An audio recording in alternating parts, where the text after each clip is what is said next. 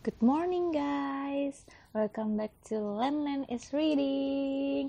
Oh my god, I'm so excited because today aku recordingnya pagi-pagi, nggak siang-siang kayak kemarin. Jadi masih kayak semangat gitu dan aku tuh abis sarapan. Ya nggak penting sih ini ya, info nggak penting tapi oh my god, I feel excited. Yay.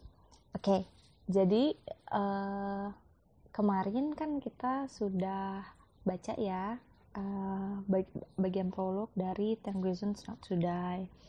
Di situ kita sudah tahu kalau ada seorang uh, gadis yatim piatu berusia 17 tahun yang bernama Remy Williams and she tried to kill herself by jumping off of a cliff. Jadi si Remy Williams ini suatu hari memutuskan untuk bunuh diri dengan cara terjun dari tebing. But suddenly one of her schoolmate Evan Woods uh, muncul dan dia menolong mencegah Remy agar tidak bunuh diri.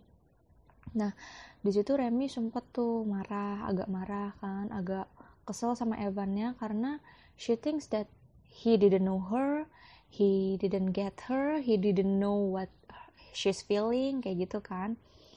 Uh, terus jadi dia dan dia tuh mikirnya kayak Evan itu berasal dari circle yang berbeda sama dia di sekolah. Jadi there is no way Evan can get what she actually feel. Kayak gitu kan.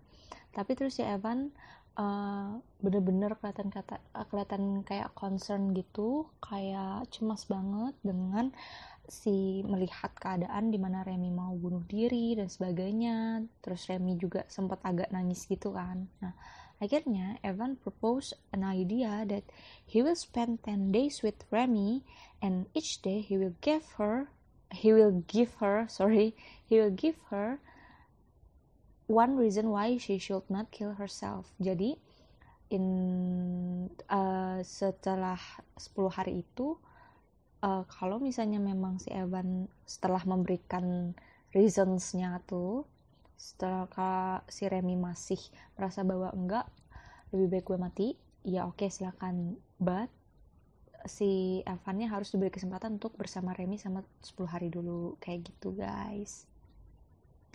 Oke. okay, uh, now today Lennon will moving forward I will uh, read the first chapter.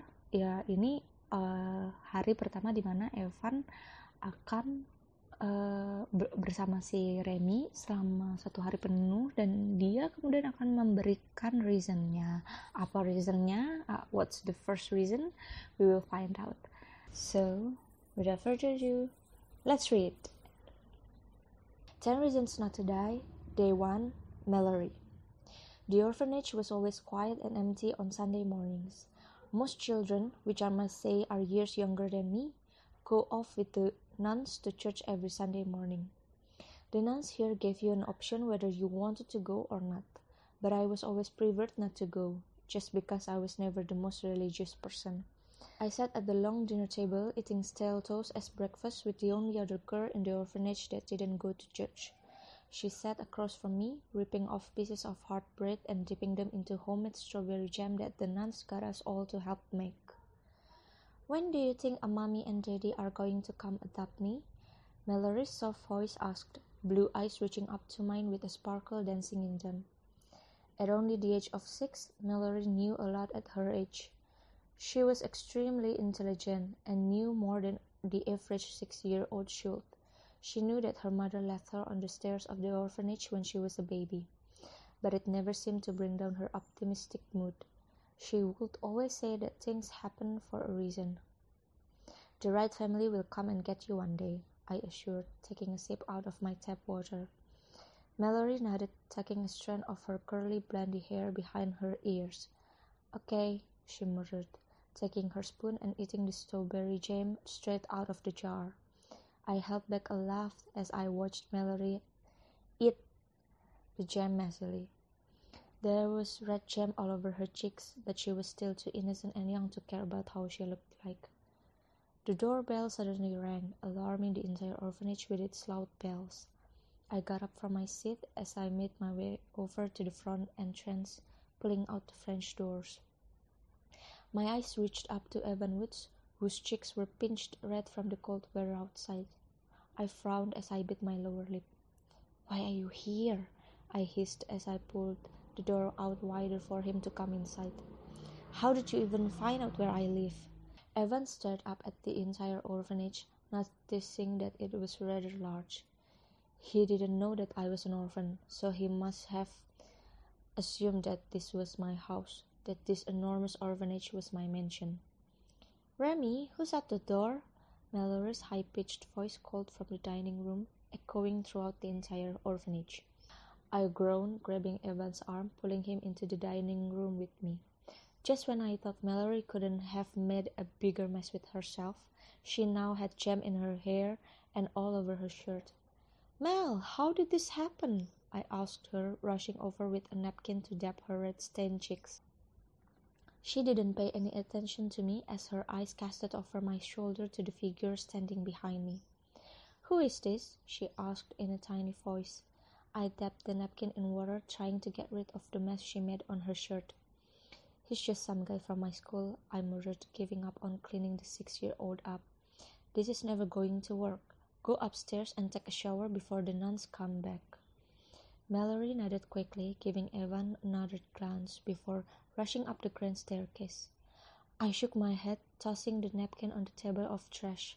I started to clear up the table as Evan helped me pick up the dirty plates.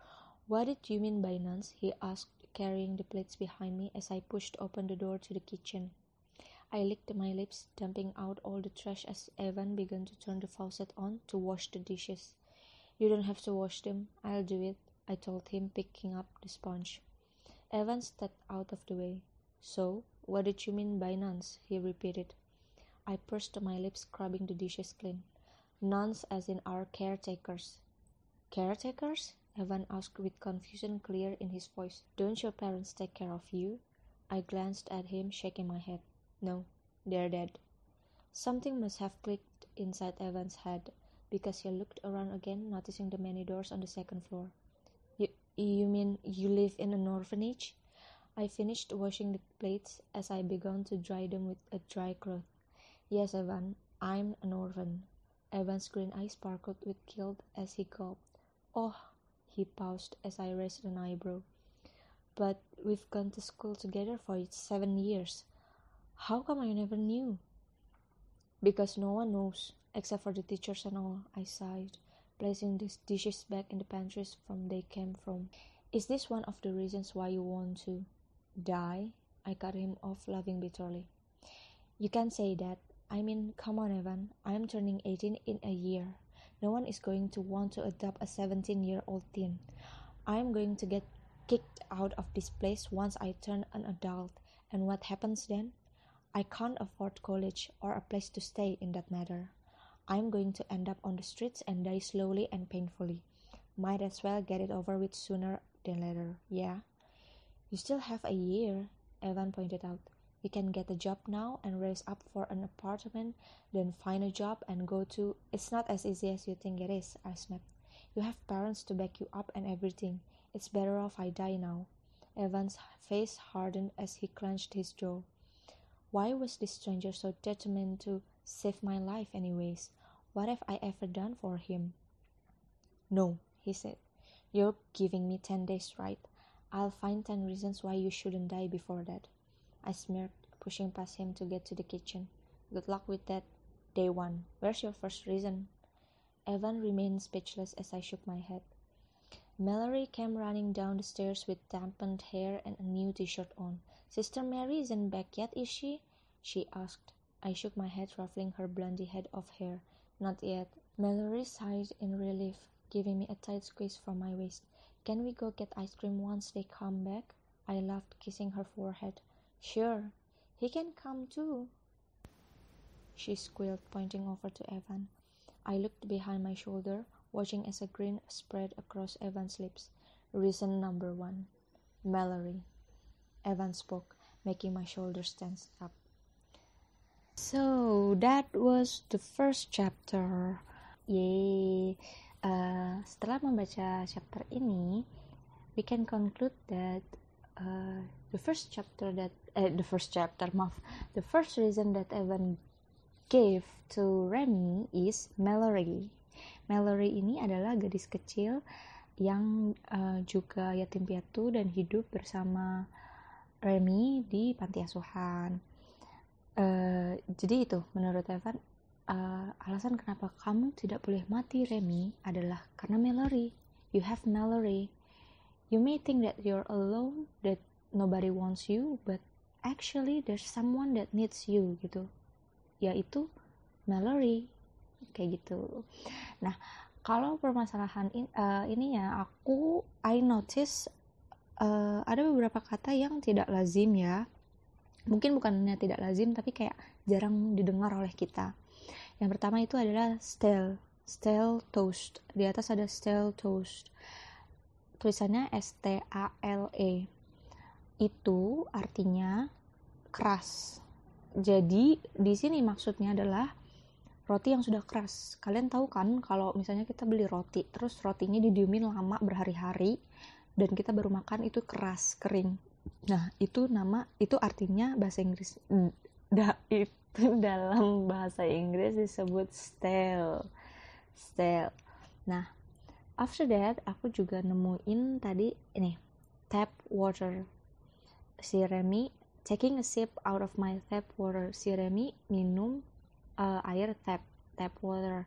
Yang dimaksud tap water itu adalah air da dari keran jadi orang bule itu kalau minum tuh dari keran langsung guys. Eh, nggak uh, nggak perlu direbus dulu kayak kita atau di uh, atau beli aqua yang itu. Mereka beli aqua juga sih. Maksudnya beli minum minuman kemasan di supermarket kayak gitu. Tapi kalau di rumah mereka itu nggak ngerebus lagi. Mereka langsung aja minum dari keran. Kayak gitu. Kecuali kalau mereka memang butuh air panas. Jadi tap water itu maksudnya adalah air dari keran air terus I also notice um, minor mistakes that the author made. Yang pertama adalah she confuses uh, between him and her. Jadi tadi ada bagian di mana Evan itu nanya ke Remy mengenai biarawati ya kan karena sebelumnya Remy menyuruh Mallory untuk naik ke lantai atas dan mandi sebelum para biarawati kembali dari gereja. Uh, dan terus Evan nanya apa yang dimaksud Remy dengan biarawati kayak gitu kan. Nah di sini ditulis sama si authornya uh, what did she mean by nuns?